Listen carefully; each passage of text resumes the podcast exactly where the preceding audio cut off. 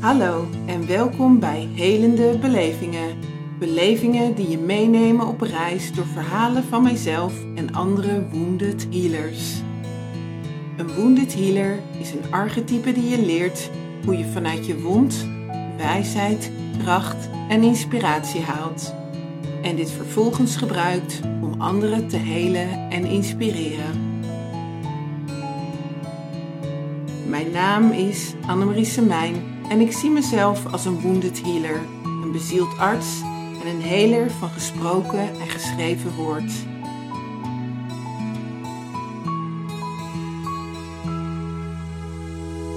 Luister naar deze verhalen en vind de gewonde heler in jezelf. Voor een mooiere, gezondere en levendige wereld. Reis je met ons mee?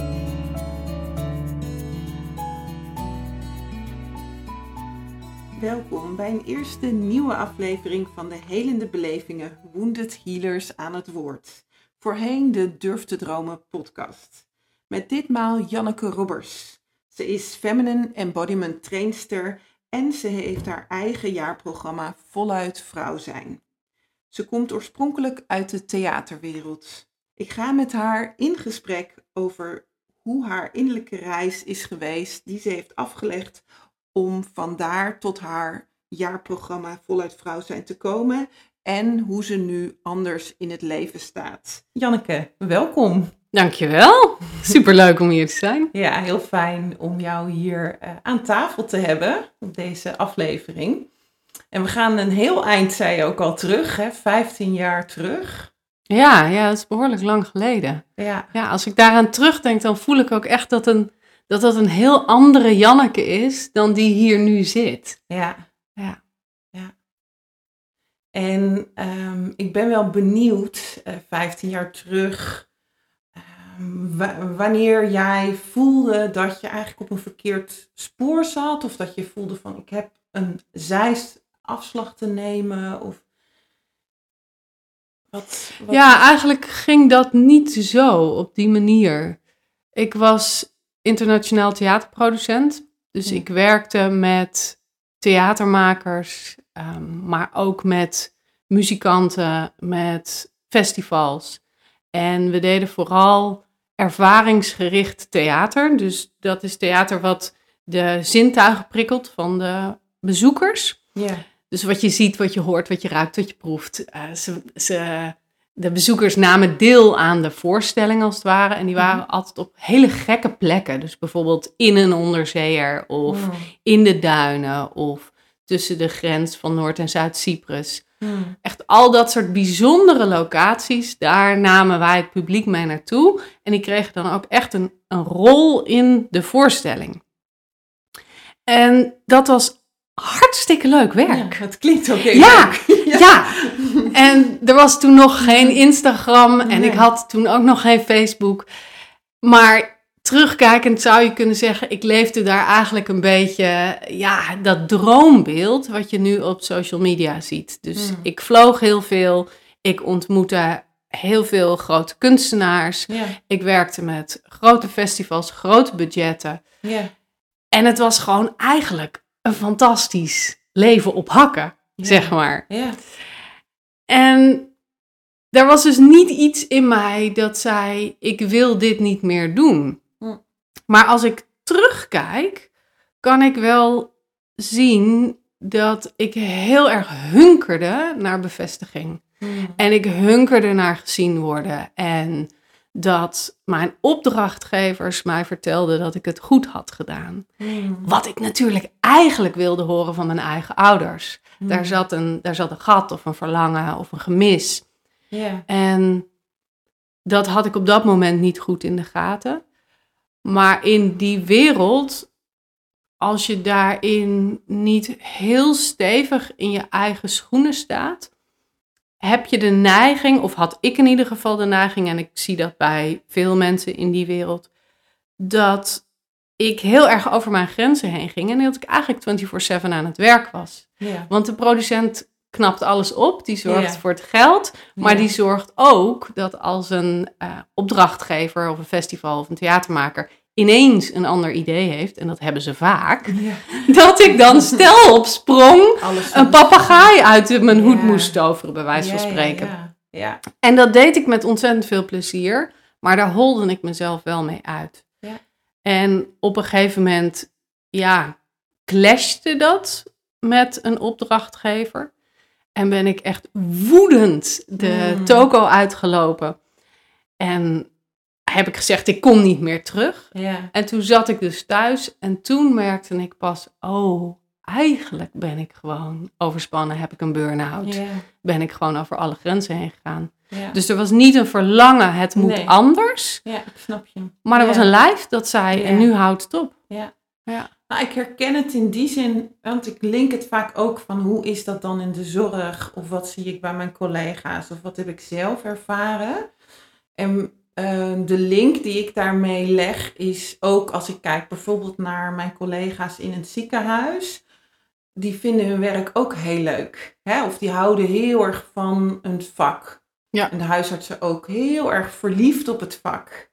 En je kunt ook niet stoppen. Nee. Want je doet iemand anders iets aan, tussen aanhalingstekens, als je je werk niet doet in de zorg. Ja, maar ook wat zeg maar het gevoel van de waardering die je krijgt, wat ik bij jou eigenlijk ook hoor, hè, van de waardering komt van buiten. Ja. En dat is wat maakt dat je voelt dat je het ook ergens het gat wat er van binnen zit aan het vullen bent. En ook zo moeilijk maakt om te stoppen. Ja, Hè, Ja, dus je gaat maar zeker. door, je gaat maar door en je ontvangt die waardering, maar steeds van buitenaf. En ook als ik kijk naar mijn huisartsentijd, daarin had ik ook 20, 30 mensen op een dag. En als er één, er hoefde er maar één tussen te zitten die zei, ik vind wat jij nu levert ruk, om het zo maar te zeggen. En ik, zoep, als een soort ijspudding zakte ik in elkaar. En wat had ik nou, zeg maar... Ja, er waren twintig mensen dol op mij en eentje niet. En dan kon je helemaal de grond inzakken, omdat die waardering zo van buiten moest komen. Tenminste, dat ja en die, en die ervaren. 19 andere mensen, die Ja. vullen dat gat niet. Nee. Het lijkt wel Ja, zo. maar Het is heel Maar die- kort of zo. ja. Het is een hele korte duur. Ja, heel kortstondig. En dan komt zo'n ene negatieve ervaring heel groot binnen, heel heftig binnen. Ja, Ja. ja, dus die lijn leg ik, of die, die voel ik heel erg bij, dat het een soortzelfde energiestroom is. Ook heel erg naar buiten gericht. Heel erg op zoek naar de waardering aan de, aan de buitenkant. Hè? Dus mensen buiten je moet, hebben eh, de waardering voor jou, eh, eh, hebben jou te waarderen om die leegte eigenlijk op te, op te vullen. Ja, denk het wel. Het was, Ja. het was vooral heel erg, zie mij dit werk nou eens heel goed doen. En kijk Ja. eens wat wij voor geweldigs neerzetten. Het was ook bijzonder. het was zo. ook uniek. Ja, precies, dus in, in een bepaalde zin had ik gelijk. Maar op de onderstroom was dat natuurlijk een heel ja, kinderlijk, kinderlijke manier om Ja. mijzelf neer te zetten. ja, Ja, en dat is ook wat ik bedoelde als ik zo terugkijk ja. naar toen, dat ik een Ja. heel ander mens zie. ja. Ja. Ja. Hoe zou je haar eh, kunnen omschrijven in beeld? Want je hebt natuurlijk hè, de, de, de zintuigen waar je mee vertrouwd bent. Ehm, kunnen, mensen, kunnen mensen de oude Janneke nog, kun je die nog voelen? Ja, ik kan daar nog wel voelen, maar hoe bedoel je, kun je er kun je er dan- omschrijven? Nou kun je er, als, als dit nu een theater was, kun je haar zo weer neerzetten? Hoe, hoe, hoe zouden we jou door het leven zien eh, lopen? Dat is een mooie vraag. En ook een lastige vraag. Ja. Maar als ik zo intap in dat deel van mij,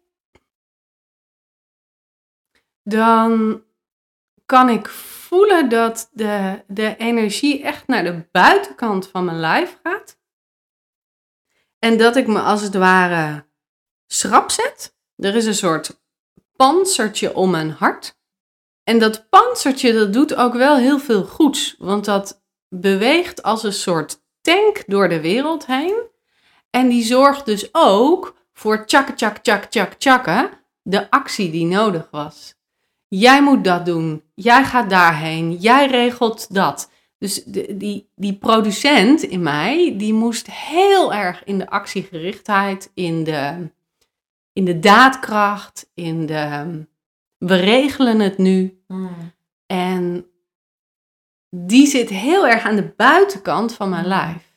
Maar ook de bovenkant. hè? Ja, ook de bovenkant. je niet zakken naar je, Nee. naar je bekken. Nee, mijn stem gaat ook omhoog. Ik ga ook rechterop zitten. Ik, ik hou me schrap. Ja. Mijn schouders gaan omhoog. En ik voel hem echt in mijn hart zitten, dat hartsgebied. ja. Het wordt een soort blok. Ja. Ja, Ja, ik voel bijna een beetje opgeblazen borst. ja, ja Een klopt beetje wel. bijna als een kalkoen, zeg maar even gechargeerd. Maar zo, hè, zo even zo, zo, zo, zo. Ja. Maar dat er van binnen lucht, hè, dus is opgeblazen. Ja, als je het chargeert. Als ik ja. het chargeer, hè, want dat, is, Ja. dat, dat doe ik Want aan de andere kant durfde ik ook niemand te bellen. Ik was ook echt heel bleu. Mm. Het was ook een van mijn eerste echte volwassen banen. Mm. En dat ik ook echt dacht van, wie ben ik eigenlijk om dit te doen? Wie ben ik om de eh press secretary van de VN te spreken? Wie ben ik om de directeur van de Mm. eh, Amsterdamse Schouwburg te bellen? Ja. Weet je wel, wie ben ik om die bekende acteur te vragen om in ons stuk te spelen? Ja. Ja, ik, ik was zo mini. Ja, en ik weet nog heel goed, we zaten in een, in een soort verzamelpand, waar andere bedrijven ook zaten. En daar was een man die al heel veel eigen bedrijven had opgericht en ook al groot had gemaakt. Was al grijs, weet je wel, echt zo'n zo'n man-man. Mhm. En die kwam naar me toe op een gegeven moment en die zei: Ja, ik zie heel veel potentie in jou. En ik zou je wel willen vragen voor een functie. Ik heb nog geen functie, maar ik zou je wel willen vragen voor iets in de ontwikkelingskant van mijn bedrijf. En ik dacht echt: eh, Hoezo? Ik heb geen idee. Ik ben een grietje. Ik dacht echt over mezelf als een grietje. En ik was toen, denk ik, 26. Ja, zoiets. En ik zag mezelf echt nog als een 17-jarige. Mm. Ja. Ja. Dus, ik, dus dat wat anderen in mij zagen, door die stevige buitenkant, Mm. door die projectie naar buiten, Ja. dat voelde ik aan de binnenkant helemaal niet. Dus er was echt een hele duidelijke mismatch Ja. tussen wat er binnen in mij speelde. In mijn lijf, maar ook in mijn brein, mijn Ja. gedachten over mezelf, Ja. en wat ik naar buiten toe liet zien. Ja. Die herken ik zelf ook wel. Hè, Want als je kooschappen gaat lopen, dan ben je ook 23. Hè? Soms, Ja. Zijn zelfs nog jonger. Eh, maar dan ben je dus ineens de verantwoordelijk, nee, nog niet helemaal verantwoordelijk. Maar als je klaar bent, ben je, was ik, 25 of zo. En dan ben je dus arts ineens. Hè? Dus dat is ook zo'n combi van, je hebt een bepaalde titel ineens. En mensen kijken je aan alsof je, nou ja, niet allemaal. Sommigen denken, ben jij nou echt arts? Hè? Je bent, ziet er nog zo jong uit. Ga jezelf eerst maar bewijzen. En de anderen die, die zien je al meteen als hè, van nou, alle verantwoordelijkheid is voor jou. Maar ook die mismatch eigenlijk, misschien ook wel van je leeftijd. En de verantwoordelijkheid die je krijgt. Of wat andere mensen zien wat je kan, wat je zelf niet voelt dat je, dat je kan. Dus ook die, eh, eh, die, die herken ik in ieder geval. En die zie ik ook wel heel veel terug bij mijn collega's. Dat ze eh, eigenlijk een bepaalde verantwoordelijkheid dienen te dragen op een leeftijd waarin je misschien nog niet helemaal die verantwoordelijkheid aan kan. Waardoor het ook al zo'n mismatch creëert. Hè, om te overleven heb je bijna dat panzer, ga je ontwikkelen om, eh, om in de wereld te kunnen blijven staan. Ja, en, en wat er natuurlijk ook meespeelt in de zorgsector is dat klanten of patiënten of cliënten, hoe het dan ook is, de neiging hebben om de verantwoordelijkheid voor hun eigen zijn en Ja. hun eigen gezondheid gewoon op jouw bordje te Ja. leggen. Ja, En dan, dan, is het, dan kan het eigenlijk niet anders dan dat je als arts je ook dat aanmeet. En dus Ja. ook in die vergrotende rol gaat zitten. ja. In plaats van dat je horizontaal met Ja. elkaar communiceert en gaat uitzoeken van wat is er eigenlijk gaande. Ja. ja, ik denk dat je wordt erop gezet en je accepteert het. Hè? Dus, je, dus, dus er zit een soort, ehm, een soort, soort spanningsveld waarin, waarin je dus ook aanneemt als arts dat dat dus ook je plek is. Ja. Maar eigenlijk ga je al op een verkeerde plek zitten, waardoor je een verantwoordelijkheid krijgt van levens van anderen. En, en, en daar komt dan een soort rare, raar spanningsveld, vind, vind ik, hè, tussen een bepaalde hiërarchie eh, die in gezondheid eigenlijk niet zo ja, gewoon is. Nee, en je neemt ve- veel meer op je schouders dan dat van jou is. Ja, ja. Oké, we gaan weer een beetje terug richting jouw ehm, eh, pad. Jij liep vast en je voelde van oké, ehm, ik ga daar nooit meer naar terug. Ja, ik was woest. Woest. Woest. Ja. En voor een manifester die ik ben in de Human. Design is woest zijn wel een teken dat je niet uitgelijnd bent en niet in je eigen centrum zit. Al wist ik dat helemaal nog niet toen hoor. nee. Maar ik zat dus thuis en ik kon voelen van hé, hey, dit, dit klopt niet. Ja. Volgens mij ben ik ziek, volgens mij heb ik een burn-out. Hmm. Dat werd ook bevestigd door de homeopaat waar ik was. En eigenlijk zorgde die bevestiging van haar ervoor dat ik helemaal onderuit ging. Omdat Ja. ik toen eindelijk kon voelen Hmm. wat er werkelijk gaande was. Ik had een soort van permissie gekregen om Ja. te voelen. Ja. En ehm, ik heb drie maanden op de keukenvloer gelegen, Ach. starend naar het plafond, Ja. letterlijk. Hmm. En dat was heel erg nodig. En op een gegeven moment had ik de gedachte: wat zou er nou gebeuren als ik nou zou genieten van deze burn-out? Hmm. En dat was een hele openende gedachte. Want toen dacht ik ook: oh, ja, het is voorjaar, de Mm. zon schijnt. Dan zou ik in ieder geval van deze koude, eh, harde keukenvloer afkomen en naar het balkon gaan en genieten van de zon. Hmm. En dat was de eerste stap die ik toen heb genomen. Dan ben ik echt op het balkon in de zon gaan zitten. Kon ik weer voelen van, oh ja, als die zon zo op mij schijnt, Mm. dan wordt mijn huid warm. Dan word ik een beetje vrolijk. Dan zit er weer lucht in mijn Mm. lijf. En dat was de eerste stap naar eigenlijk mijn eigen pleasure practice, die ik toen ben gaan doen. Om steeds te gaan onderzoeken van wat maakt mij nou blij? Waar krijg Ja. ik nou lust van? Waar gaan mijn zintuigen van aan? Waar gaat mijn lijf van borrelen? Ja. En zo ben ik een hele range aan heel veel verschillende dingen gaan doen. Ja. Ik, ben, ik zat natuurlijk in de theatersector, dus ik ben gaan schrijven. Ik ben recensies gaan schrijven. Ik ben bij een theaterfestival gegaan dat voor asielzoekers werkte. En dat was allemaal vrijwillig. Hmm. En ik ging mijn mensen met wie ik had gewerkt begeleiden. Eh, dat waren mensen die ook zelfstandig ondernemer waren. Een zangeres, een theatermaker, een componist. En daar werd ik een soort van de zakelijk begeleider van. Omdat ik Mm. natuurlijk verstand had van... Ja, hoe doe je dat met subsidies? Hoe doe je dat met aanvragen? Hoe doe je dat met geld? Hoe doe je dat met productie? En ik ging hen daarin begeleiden, in die eerste stappen van hun carrière. En dat beviel eigenlijk hartstikke goed. Maar dat was nog steeds niet een gedachte van ik word coach of trainer. En een van mijn beste vrienden, die heeft ADHD. En die was altijd echt all over the place. En allerlei dingen aan het doen en heel hectisch. Er was van alles gaande in dat lijf. Hmm. En die ging een coachopleiding doen. En daar kwam zo'n enorme rust over hem heen. Dat ik dacht, hé, hey, dat wil ik ook. Mijn brein wil ook wel rust. Niet dat ik ADHD heb, maar ik wilde wel uit die chaos van mijn hoofd. En dat is eigenlijk de eerste aanzet geweest. Dat was een eenjarige opleiding voor twintigers. Ja. En daarna ben ik heel veel trainingen gaan doen bij vrouwen over de hele wereld.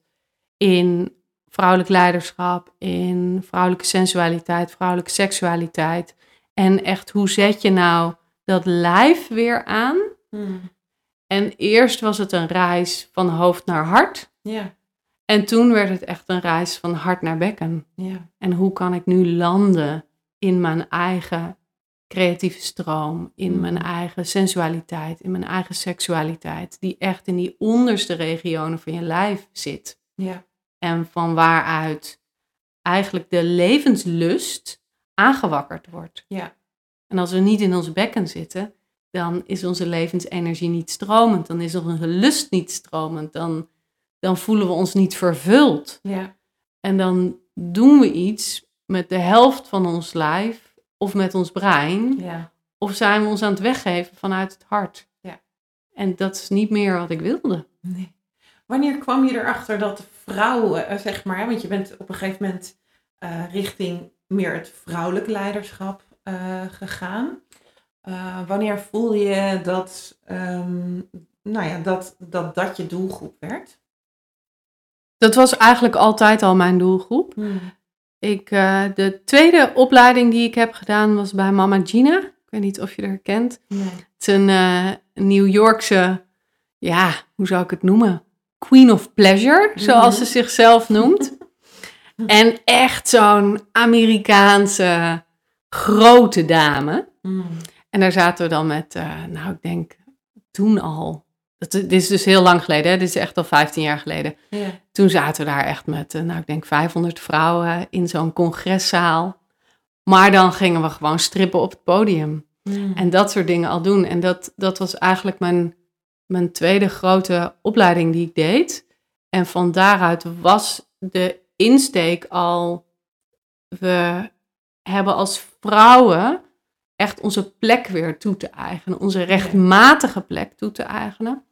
En we hebben te claimen dat plezier ons geboorterecht is. Mm. En plezier is natuurlijk in Nederlands een beetje een, een plat woord. Ja. Klinkt, klinkt meer als een soort van vertier. Ik Ja. vind er altijd een groot verschil tussen zitten. Ja. Maar als je het hebt over pleasure, het Amerikaanse woord, dan gaat het veel meer over de sensualiteit die erin zit. Het genieten van je zintuigen. Dat wat de wereld om je heen je brengt. En dat ook wat jij van binnenuit kan ervaren of kan voelen. Ja. Ik kan mijn handen om mijn theekopje hier leggen en voelen dat die warmte door mijn hele lijf heen gaat. Ja. En dat eigenlijk, dat, dat Mm. brengt je zo weer terug naar je center. Ja. En dat sloot heel erg aan ook bij mijn studie vrouwenwetenschap die ik had gedaan. Niet met de gedachte om trainer te worden, Mm. maar daar was ik wel altijd al in geïnteresseerd. Dus Ja. er was altijd al een, een, een pad of een verlangen of een interesse in. Hoe, hoe is dat nou om als vrouw je plek te claimen in Hmm. deze patriarchale wereld? Ja. Waarin toch altijd wordt gezegd, en misschien niet hardop, maar wij zijn de mindere. Hmm. Wij zijn de afwijking. Ja. Zoals je in de geneeskunde heel veel ziet, dat medicijnen getest worden op mannen, omdat ze nou eenmaal wat meer standaard zijn dan Ja. vrouwen. Wij hebben, wij hebben een ze hebben geen cyclus. hormonen, ja, ze hebben geen hormonen, ja. St- gewoon stabiele hormonen. Ja, ja. wat ook niet helemaal zo is natuurlijk. Maar ze zijn in ieder geval stabieler dan vrouwen. En die afwijkingspositie, die werd natuurlijk ook een soort van, ja, hoe zeg ik dat? Ik kon dat heel goed voelen, die afwijkingspositie. Ook in het zoeken naar bevestiging aan de buitenkant, Ja. werd ik niet bevestigd. Ja. Dus dat versterkte elkaar heel erg. En door op dat pad van feminine embodiment te gaan en Ja. echt het voelen van wat is nu mijn vrouwelijke energie, wat is mijn vrouwelijke kant. En niet in de zin van dat het of-of is. Mhm. Ik neem aan dat jouw luisteraars ook wel weten dat mannelijke energie en vrouwelijke energie allebei in ons zitten. Maar dat in deze wereld waar we in leven, we geneigd zijn om meer te leven vanuit onze mannelijke energie, omdat we daar applaus voor krijgen.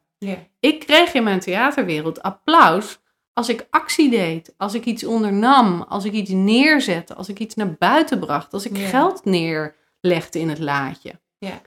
Ik kreeg geen applaus voor naar binnen keren, stilzitten, contempleren, voelen wat iets met ons deed, verbinding maken met de collega's. Nee, dat was alleen maar lastig. Ja.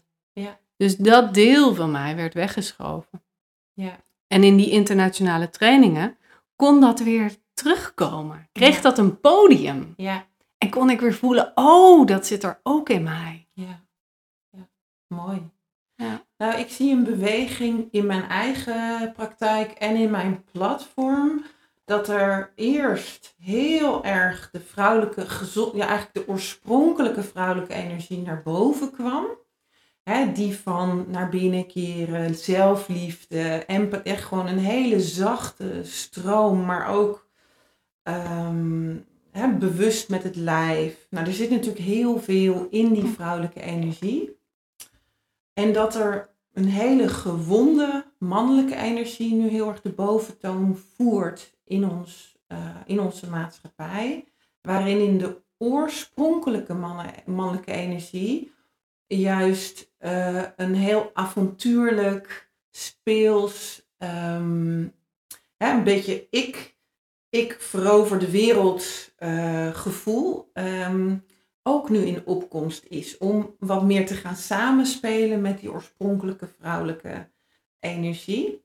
Um, waarin we eigenlijk alleen soms de mannelijke energie zien in hoe die nu in de wereld is, namelijk agressief en opgeblazen.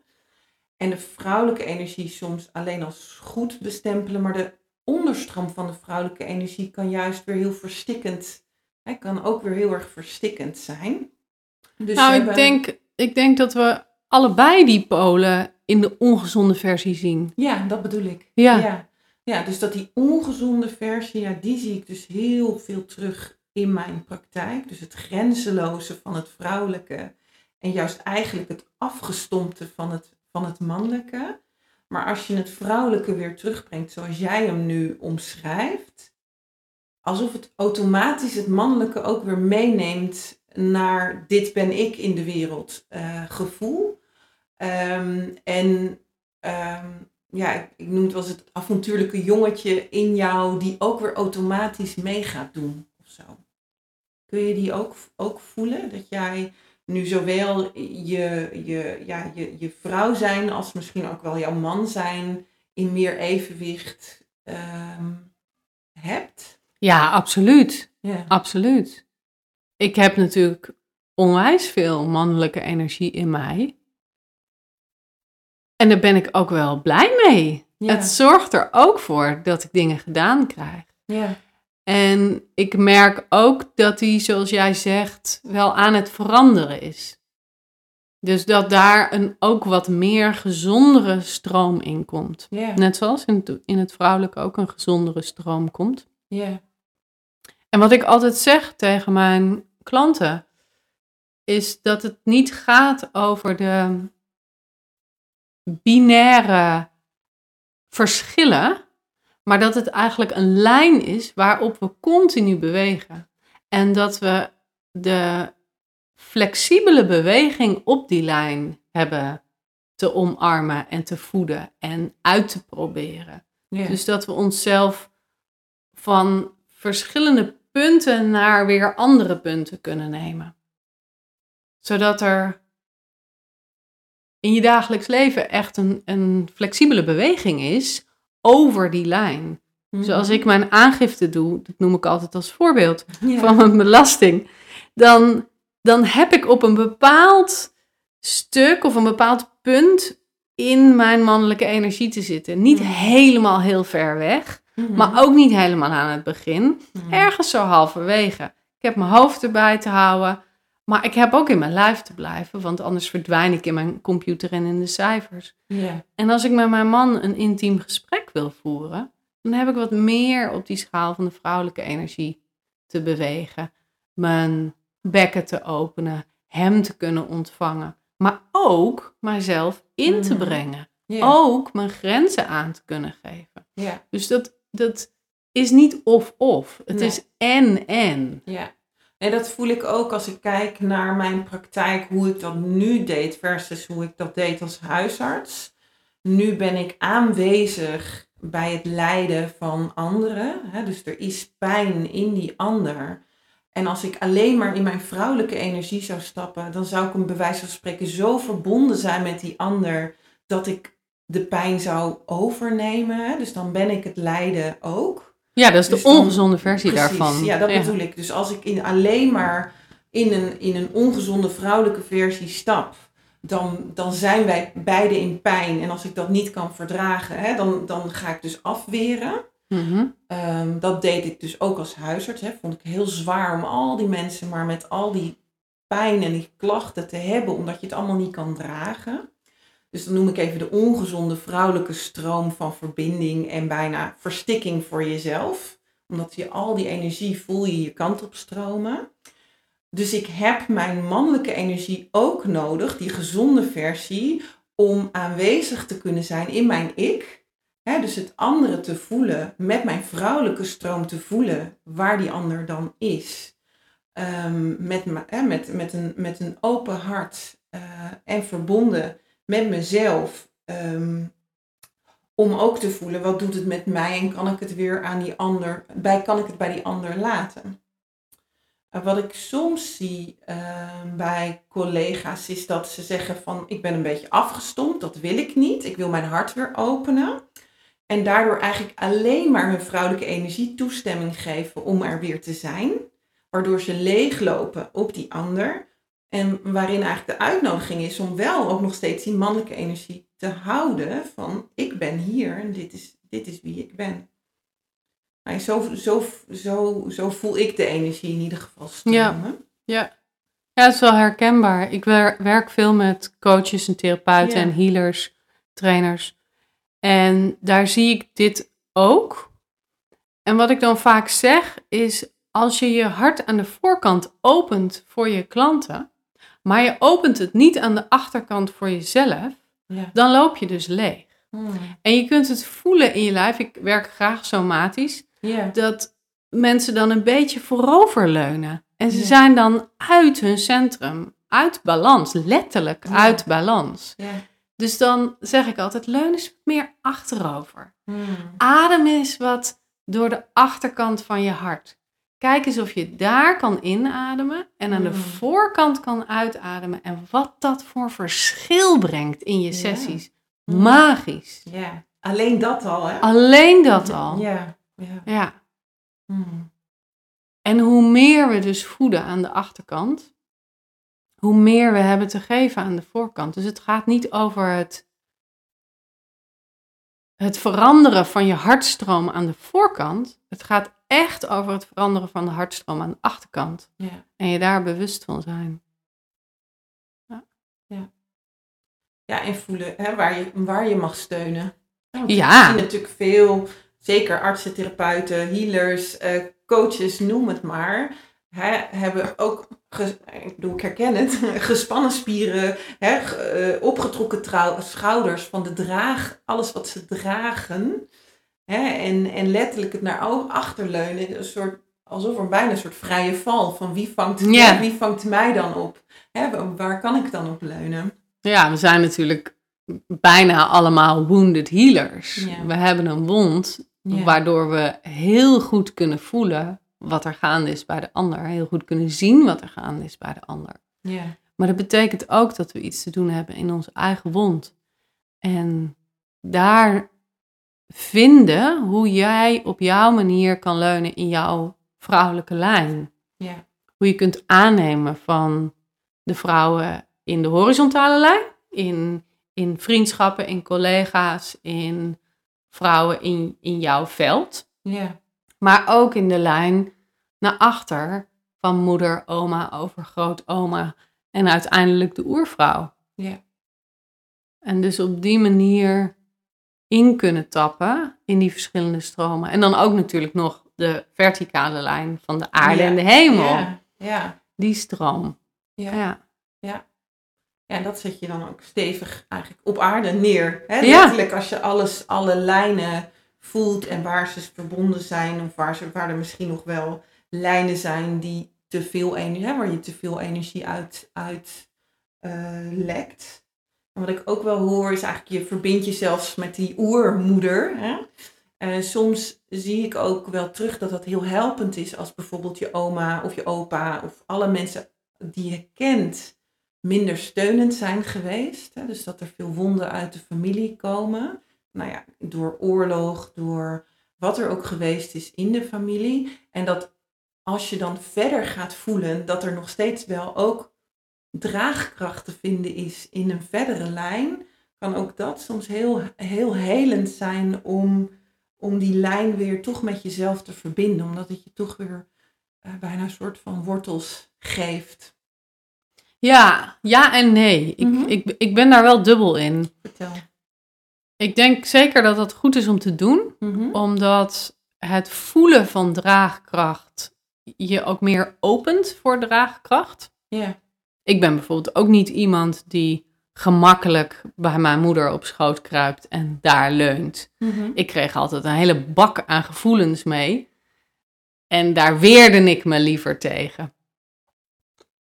Dus zo'n lijntje naar de oervrouw is heel helpend om het stuk in jezelf te openen dat, dat je mag leunen, dat je kan steun ontvangen, dat je je mag overgeven, dat je gevoed kan worden door anderen.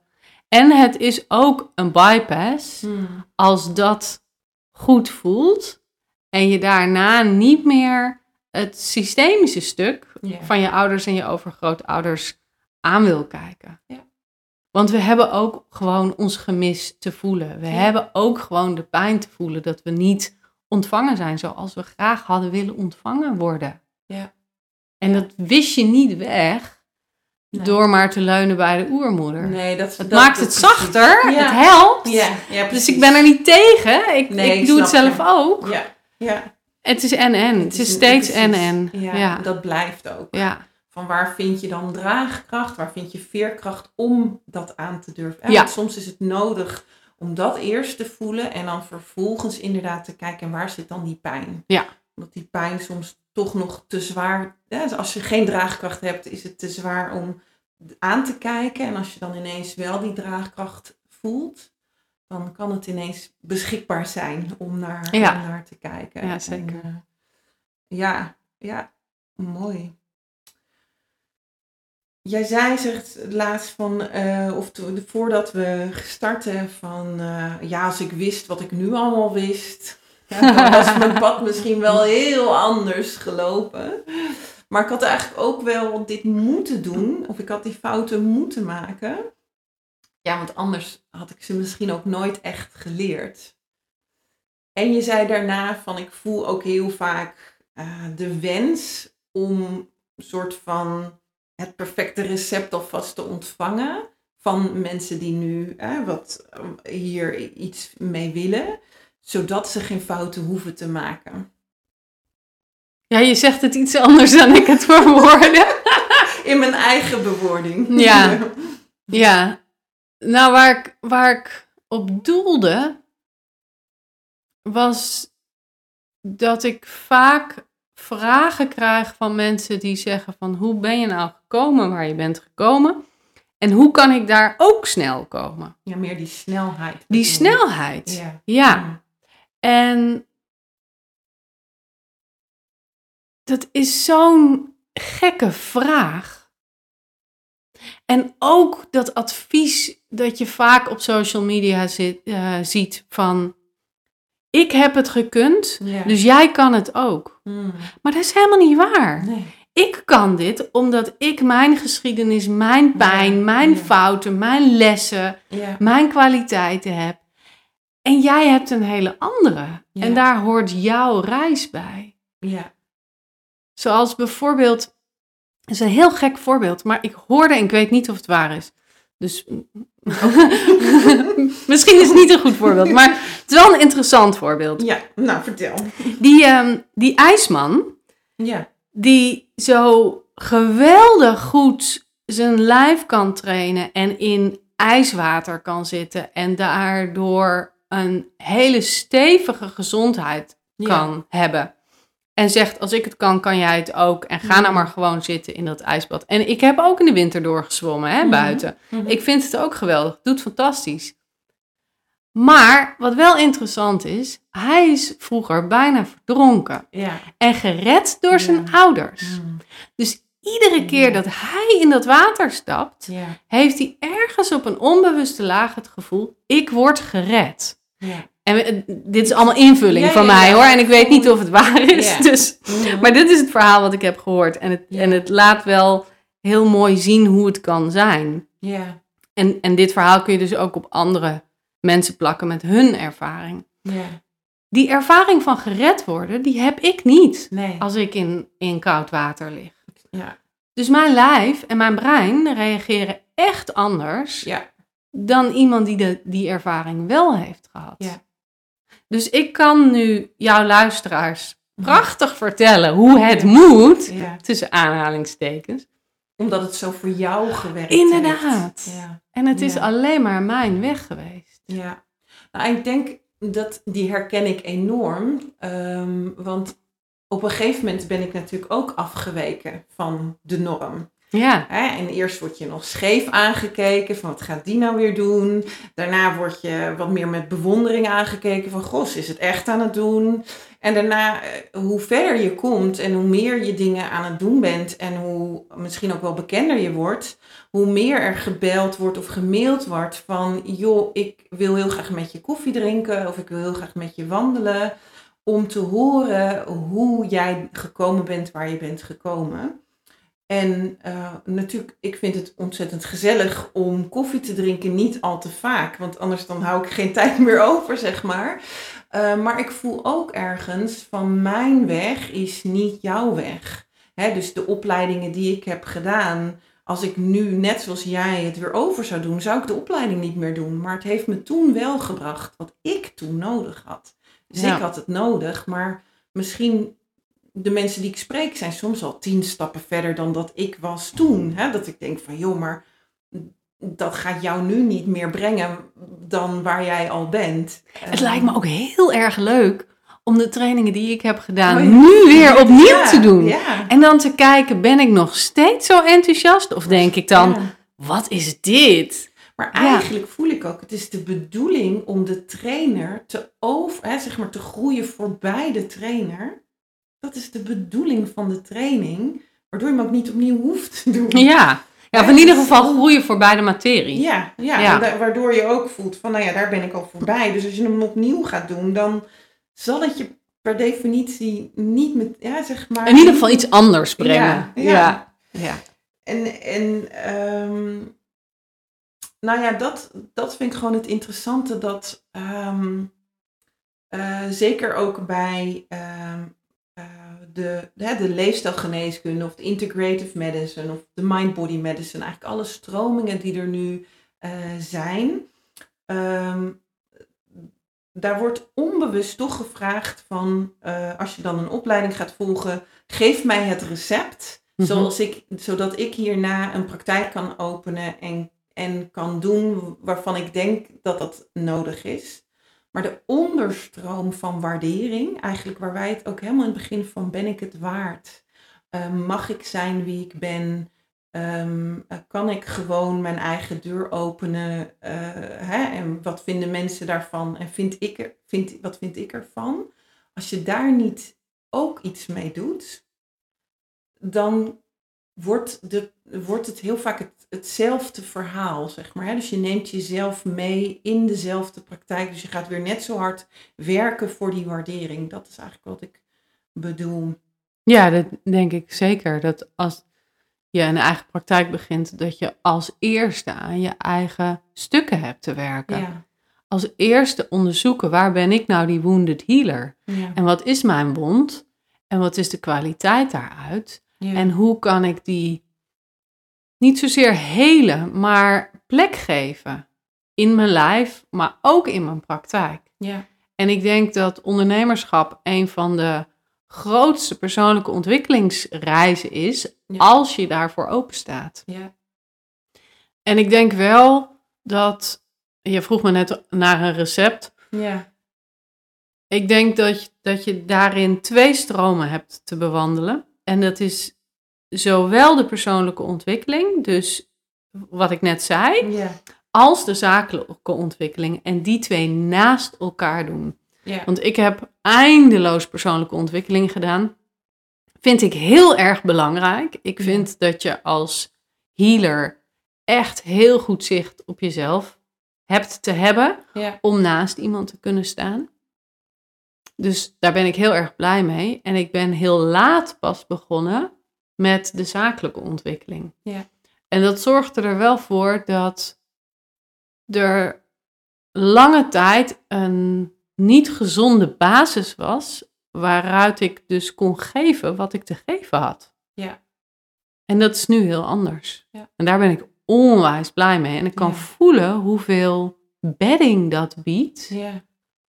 om in mijn eigen kracht of wijsheid, het is zo'n uitgehold woord, maar daarin te kunnen staan in mijn eigen praktijk. Ja. Ja. Nou, ik voel dat ook, dat ik heel lange tijd mezelf bijna heb weggegeven, nog steeds. Hè? Dus dat Mhm. je gewend, ik was gewend als huisarts om al heel veel van mezelf te geven. Ehm, nou ja, dan ben je gewend dat niemand iets hoeft te betalen. Hè, Ja, dat dus is een hele ongezonde structuur. Ja, dat zeker. Ehm, maar daardoor raak je heel erg gewend dat je jezelf dus voor gratis weggeeft. Ja. En om dan de stap te maken om geld te vragen aan mensen is een hele grote stap. Eh, misschien zelfs, eh, of ik denk groter dan als je al uit een businesswereld komt, waarin je misschien wat meer gewend bent. Ehm, want dat, dat zie ik terug, dat dat heel vaak de moeite is van, van, van collega's van mij. En vergeleken met bijvoorbeeld business coaches, hè, die al vaak veel sneller iets voor hun, hun producten durven te vragen. Ja, dat is ook het model, hè? Ja, ja, Ik leer jou hoe je geld verdient. Ja, dus ik vraag precies. ook geld, Ja, dus je kan het er gelijk uithalen. Ja, ja, en daar zit ook een beetje dat, vind ik, verkeerd mannelijk ego in. Een beetje dat opgeblazen stuk, voel ik. Hè, Bij sommigen, bij inderdaad. sommigen. Ja. Ehm, waar wilde ik naartoe? Oh ja, dus dat je eigenlijk in dat patroon, dan kom je toch weer in het persoonlijk ontwikkelstuk, ehm, van jezelf weggeven blijft zitten, totdat je op een gegeven moment zegt inderdaad, ik wil zakelijker, of dat, die kant is er ook nodig. Om die bedding, van- misschien toch ook weer het, het, het stukje financiën zit, wa- wat mij betreft, een bepaalde gezonde mannelijke energie op. Een interactie tussen ik en ik. Om de, eigenlijk eh, die vrouwelijke energie een bepaalde vrijheid te geven. ja, absoluut. En die, voel Ja. ik, die hoor ik nu ook bij jou. Van als die bedding er is, misschien wel hè, op het zakelijke stuk, dan kan die energie, die vrouwelijke sensuele, ook echt helemaal voluit stromen en misschien wel samenwerken met eh, het avontuurlijke. Ja, het stuk. is, het is dat oeroude beeld van de rivier, waarin de rivier klotst. En de wanden zijn de bedding. Ja, En de wanden zijn de, de mannelijke energie, die bieden de structuur, die bieden de richting, die bieden Mhm. de inkadering. En daarbinnen kan dat water stromen, klotsen, draaien, whatever het, het wil doen. ja, Ja. Als je nu kijkt naar de vrouwen die bij jou binnenstromen, dan letterlijk, en die rivier eh, eh, als, als beeld, hoe komen vrouwen bij jou binnen voordat ze in het Voluit Vrouw zijn programma zitten? Ja, Voluit Vrouw zijn is mijn jaarprogramma. Het is eigenlijk het enige grote programma ook wat ik geef. En wat ik daar bied is echt coaches, begeleiders, trainers, healers helpen de weg te vinden vanuit hun hart naar hun bekken. Ja, Dus dit zijn mensen die al persoonlijke ontwikkeling hebben doorgemaakt. ja, Ze weten al hoe ze zich kunnen verbinden met hun hart. Ze zijn gevoelig. Ze zien wat er spelen bij hun klanten. En soms verliezen ze zichzelf nog. En er is een diepe wens om te verbinden met dat bekkengebied. En dat bekkengebied is, is een breed gebied. Dus voor sommigen is het echt de verbinding met hun sensualiteit en hun seksualiteit. En daarin meer vrijheid, meer eigenaarschap, meer verbinding te kunnen maken.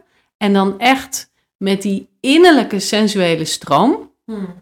Dus voor mij staat sensualiteit voor het op en top genieten van dat wat je zintuigen je brengen. ja, Dus of je nou heel sensueel door een supermarkt loopt, of dat je je sensualiteit vrijgeeft in je bed. Mhm, mhm. Daar zit voor mij niet echt een verschil in. Die sensualiteit, die brengt je heel erg diep in je lijf. En op het moment dat je dus diep in dat bekken zit, kun je ook weer verbinding maken met die creatiekracht.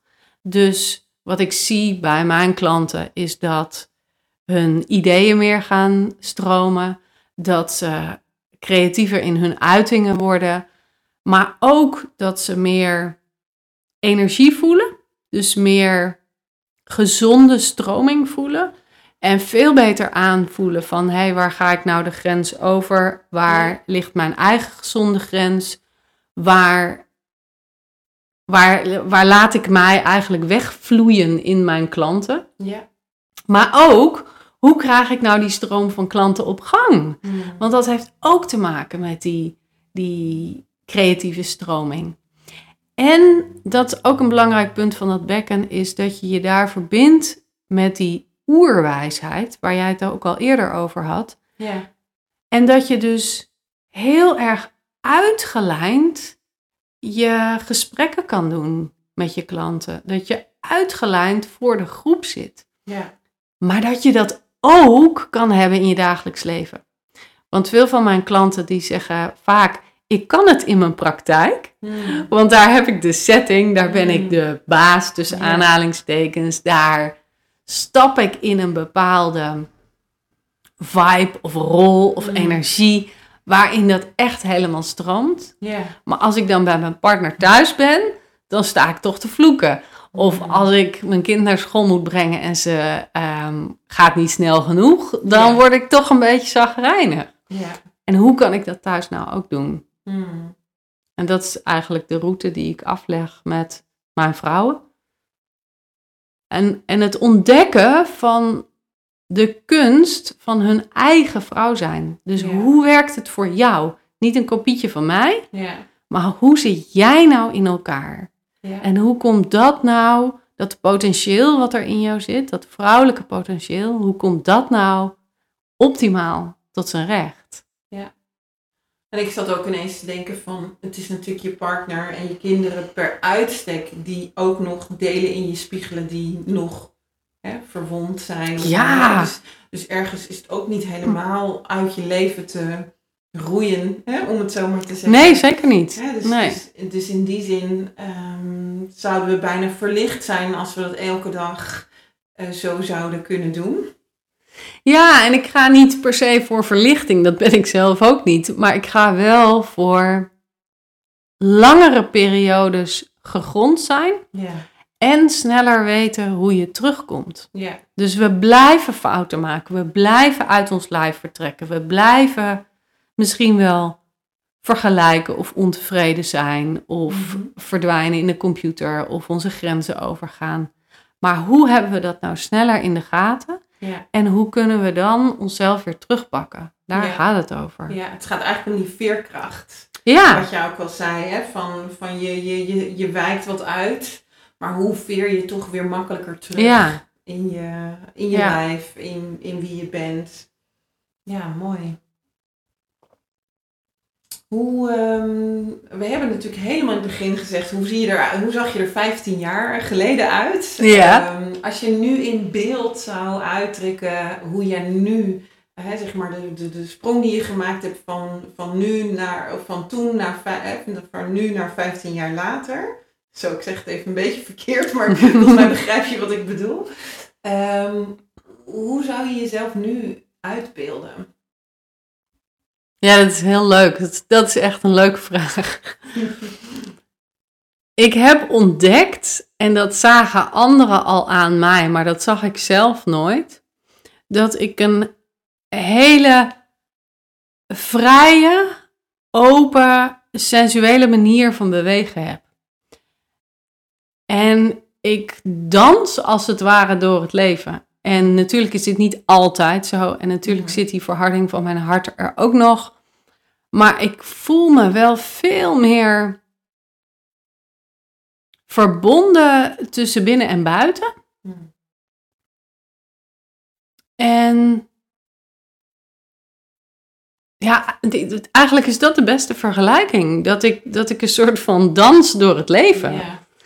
En daar word ik gewoon ook echt heel blij van. En ik geniet van dat wat ik voel, wat ik hoor, wat ik ruik, wat ik zie, ik neem dat echt tot me. Mhm. En ik kan daarnaast ook een heel stevig stilpunt voelen, dat steeds groter wordt. En waar ik steeds minder uit weg hoef, omdat het vroeger beangstigde het me. En nu kan ik er meer in rusten. En ik, ik ben ook voorzichtig in, in dit bewoorden, want mensen hebben vaak de neiging om dingen op mij te projecteren van dat is allemaal geweldig en allemaal Mm. goed.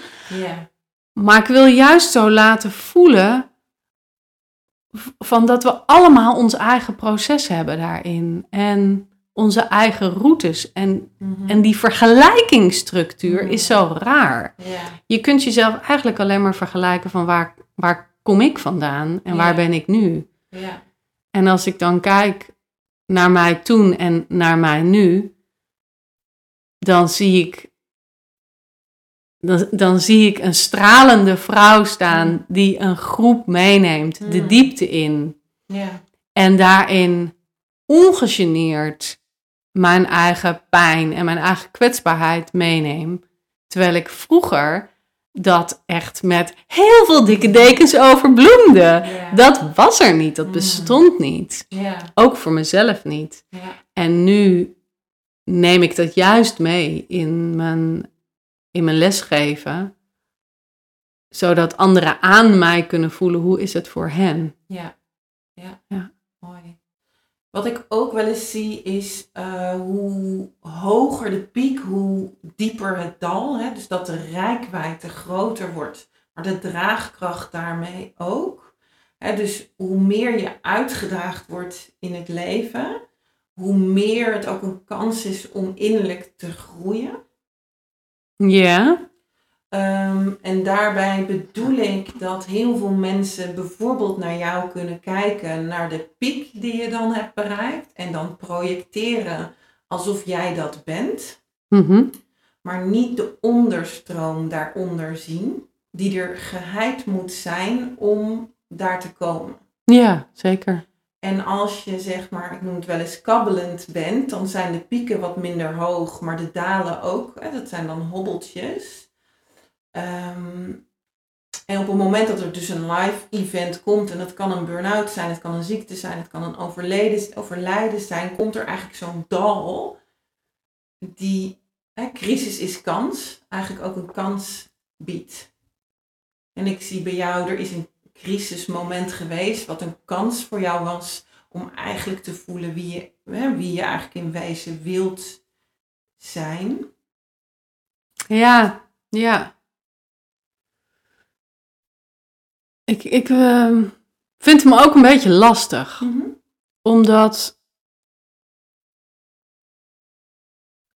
ik niet zozeer voel dat mijn diepe dal, zoals jij het noemt, heel diep is geweest.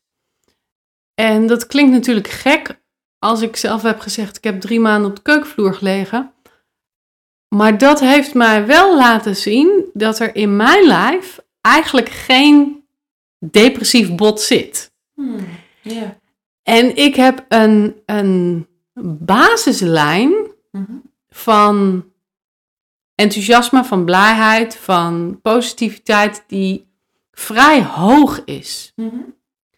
Dus voor mij voelt het niet alsof ik die, diepe dalen heb en hoge pieken. Mhm. Eh, voor mij voelt het als, alsof ik dipjes heb Ja. En wel hoge pieken. Hmm. En dat is best lullig eigenlijk voor mensen die wel depressieve botten hebben. Mhm. Die wel kunnen kantelen in dat stuk waar echt alles ruk is. Ja. Maar then again zijn er ook mensen net als ik. Mhm. Die misschien denken, oh, ik, ik moet nog veel dieper gaan Hmm. voordat ik mijn piek kan toe-eigenen. Hmm. Dus daarom wilde ik het even nuanceren. Ja, ja, dat dat mooi. voor Ja. mensen anders is. Ja. Ja. Ja. En dat heb ik eigenlijk geleerd door mijn man, die dus wel de neiging heeft om die negatieve kanten zien of Mm. Nou, waar, waar ook wel een neiging tot, tot het zware zit. Mm. En ik dat gewoon dus echt niet kan begrijpen soms, Mm. omdat ik niet in zijn schoenen heb gestaan. Ja. Ik kom uit een vrij gecenterde omgeving. Mijn ouders zijn nog bij elkaar, ze houden nog steeds van elkaar, ze maken geen ruzie. Mm. Het is allemaal heel kalm en stevig en stabiel. En voor mij, als heel gevoelig mens, als ik dan daar onder de Mm. oppervlakte duik, zit er natuurlijk heel veel in de geschiedenis. Waar ik een gevoelige snaar voor heb. Dus daar zit wel van alles. Maar het is niet zoals iemand die opgegroeid is met grensoverschrijding of met ouders die gingen scheiden in een hele jonge jeugd of waar je verslavingsproblematiek Ja. hebt of waar je van de ene burn-out in de andere burn-out rolt. Mhm. Dat is echt anders. Ja, ik weet niet waarom ik nu de neiging heb om dat te zeggen.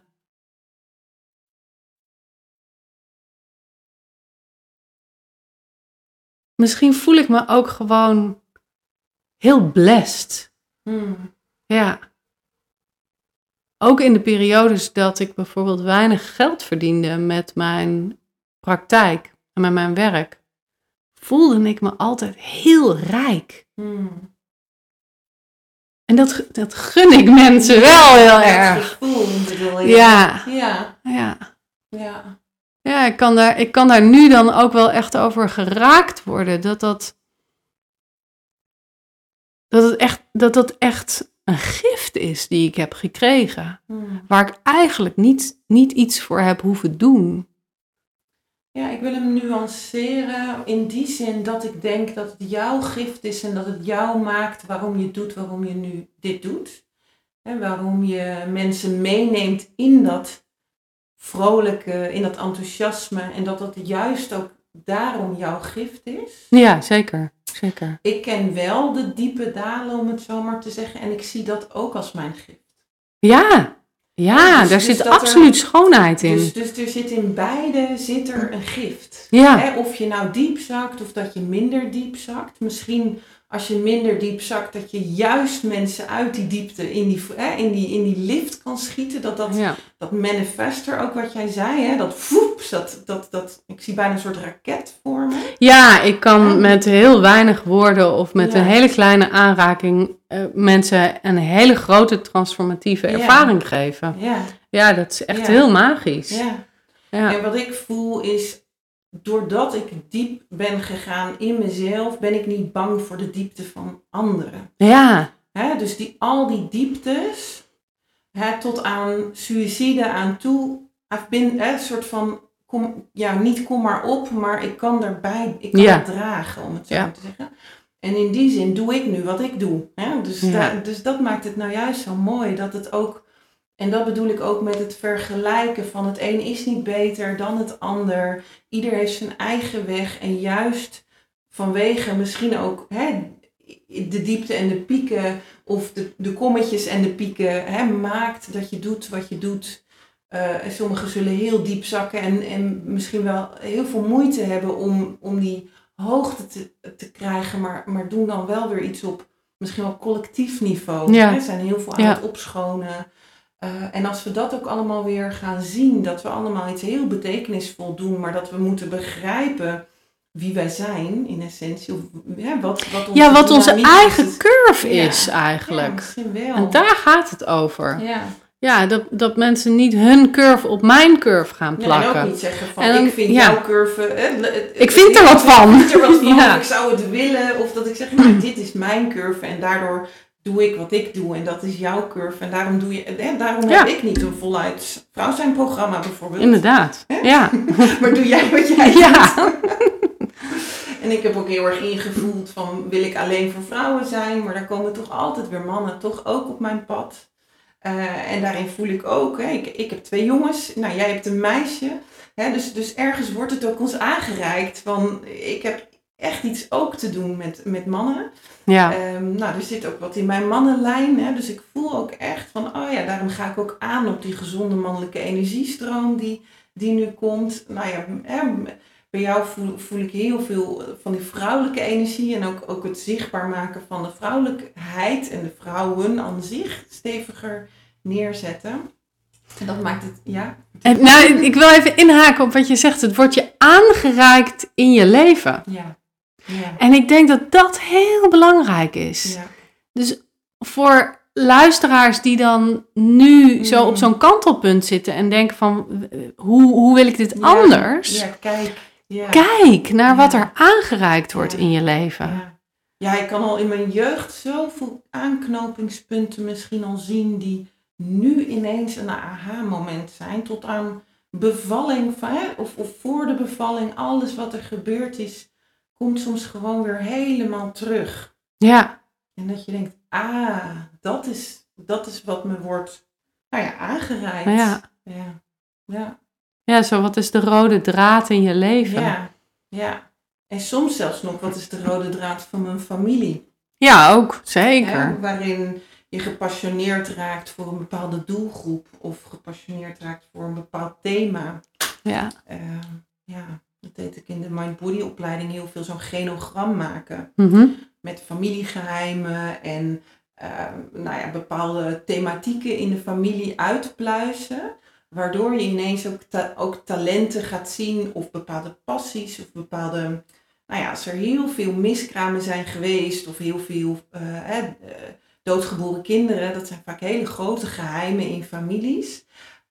Een soort passie voor om met kinderen te werken of een passie om op de ne- neonatologie te zijn of een bepaalde nou ja, angst voelen voor het verlies van kinderen. Weet je? Dus er zit zoveel ehm, wijsheid eigenlijk al, is, is er al, is, is al zichtbaar. in, Ja.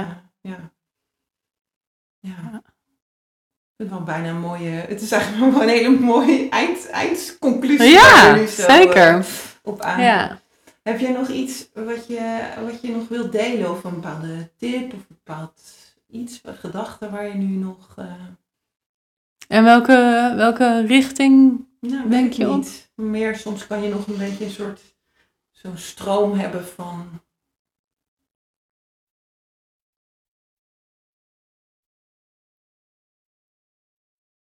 Nou, wat ik wel zou willen zeggen is voor mensen die op zo'n kantelpunt zitten, wees niet bang wat er uit die innerlijke stroom komt. Hmm. En geef jezelf de bevestiging dat wat je daar tegenkomt, daar altijd al heeft gezeten. Ja. En dat je dus de capaciteit hebt om dat te dragen. Want Ja. het was er al. Ja. Je droeg het al. Ja. Het zat al in de onderstroom. Ja. Het enige wat je hoeft te doen is dat luikje openmaken en het te ontvangen. Ja. Ja, dat. Ja, die vind ik wel mooi. Van je draagt het eigenlijk al. Ja, Ja. ja, ja. Alleen dan onbewust. ja. Ja, die vind ik wel heel mooi.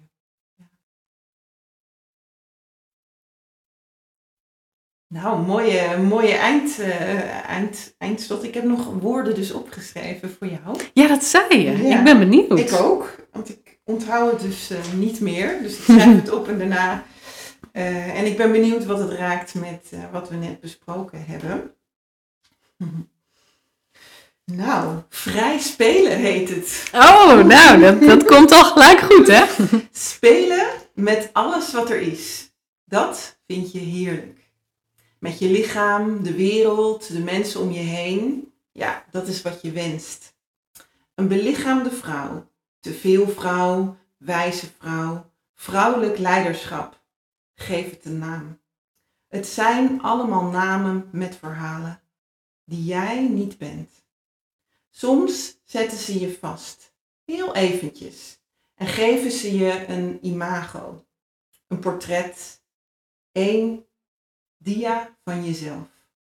En dan herinner je, je, herinner je je weer dat het vrij spelen is wat je blij maakt. Het vrij zijn wat je rijk maakt. Niet in waarde uit te drukken. De imago's misschien, maar jouw vrije ziel is onbetaalbaar. Blijf spelen, blijf lachen en geef de wereld, de mooie vrouwen om jou heen, hun vrije spel weer terug, waar ze zo naar verlangen. De wereld is je dankbaar. Wauw, dat is wel echt spot on. Je had het, je had het net over de verhalen uit, uit je geschiedenis. Ja. En mijn omi heeft in het Jappenkamp gezeten. Mm, En daar was vrij spelen niet mogelijk. nee. En dat is dus met alles wat ik doe, de onderstroom. Mm, Het terugclaimen van mijn Ja. vrij spelen. ja. Ja. Ik merk ook dat het stukje onder, dit laatste stukje raakt mij. Ehm, geef de wereld, de mooie vrouwen om jou heen, hun vrije spel weer terug. Ja, Waar Ja. ze zo naar verlangen. En dat, dat voel ik, dat terugclaimen. Ja, Alsof die onderstroom van het weer terugclaimen van het vrije spel, het zo serieus zijn geworden. Ja, eh, ja en dus ook dat, dat herinneren ja, van wie je in essentie bent, ja. dat je dat serieus neemt, dat je dat bloed serieus neemt. En de rest, wow. Ja. nou, ja, dankjewel. alsjeblieft. Je krijgt hem dus ook ingedrukt. Oh, wauw. En ik hoop dat het de wereld in mag gaan om weer vrij te spelen. Vrij te zijn. ehm be- vrouwelijk belichaamd leiderschap allemaal te belichamen. En, Ja. eh, de wereld ziet er allemaal een stukje vrolijker, lichter en speelser uit. Ja, wanneer we dat van ons, vanuit ons eigen lijf ervaren, Ja. ja, dan ziet het er zoveel lichter uit. ja. Graag gedaan. Dankjewel voor het beluisteren van deze helende beleving. Via een ander heb je de mogelijkheid jezelf weer te ontmoeten. Je lichte, maar ook je donkere kanten liefdevol te onderzoeken. Zoals een echte wounded healer zou doen. Zacht voor je emoties, maar niet blijven hangen in het slachtofferverhaal. Door te kijken naar waar je weerstand, resonantie of emoties ervaarde. Laat dit verhaal in je landen. Zak in jezelf. En ga voelen wat het laat zien over jou de aankomende tijd. Als je veel geraakt wordt in dit thema, beluister de aflevering dan vooral nogmaals of neem contact op met het platform. Zij heeft een team van wounded healers aan haar zijde en is continu aan het groeien en ontwikkelen. Hou dus vooral ook het platform in de gaten voor meer aanbod. Wil je een eigen helende beleving ontvangen in woord? Kijk dan ook op het platform bij Helende Belevingen. Zo kun je ook het platform en alle ontwikkelingen steunen. Vond je dit mooi, zinvol, intens, nuttig of prachtig om naar te luisteren? Stuur deze dan vooral door naar je familie, vrienden, bekenden of anderen. Ik wens je een fijne dag of avond. Tot de volgende helende beleving. Veel liefs, Annemarie.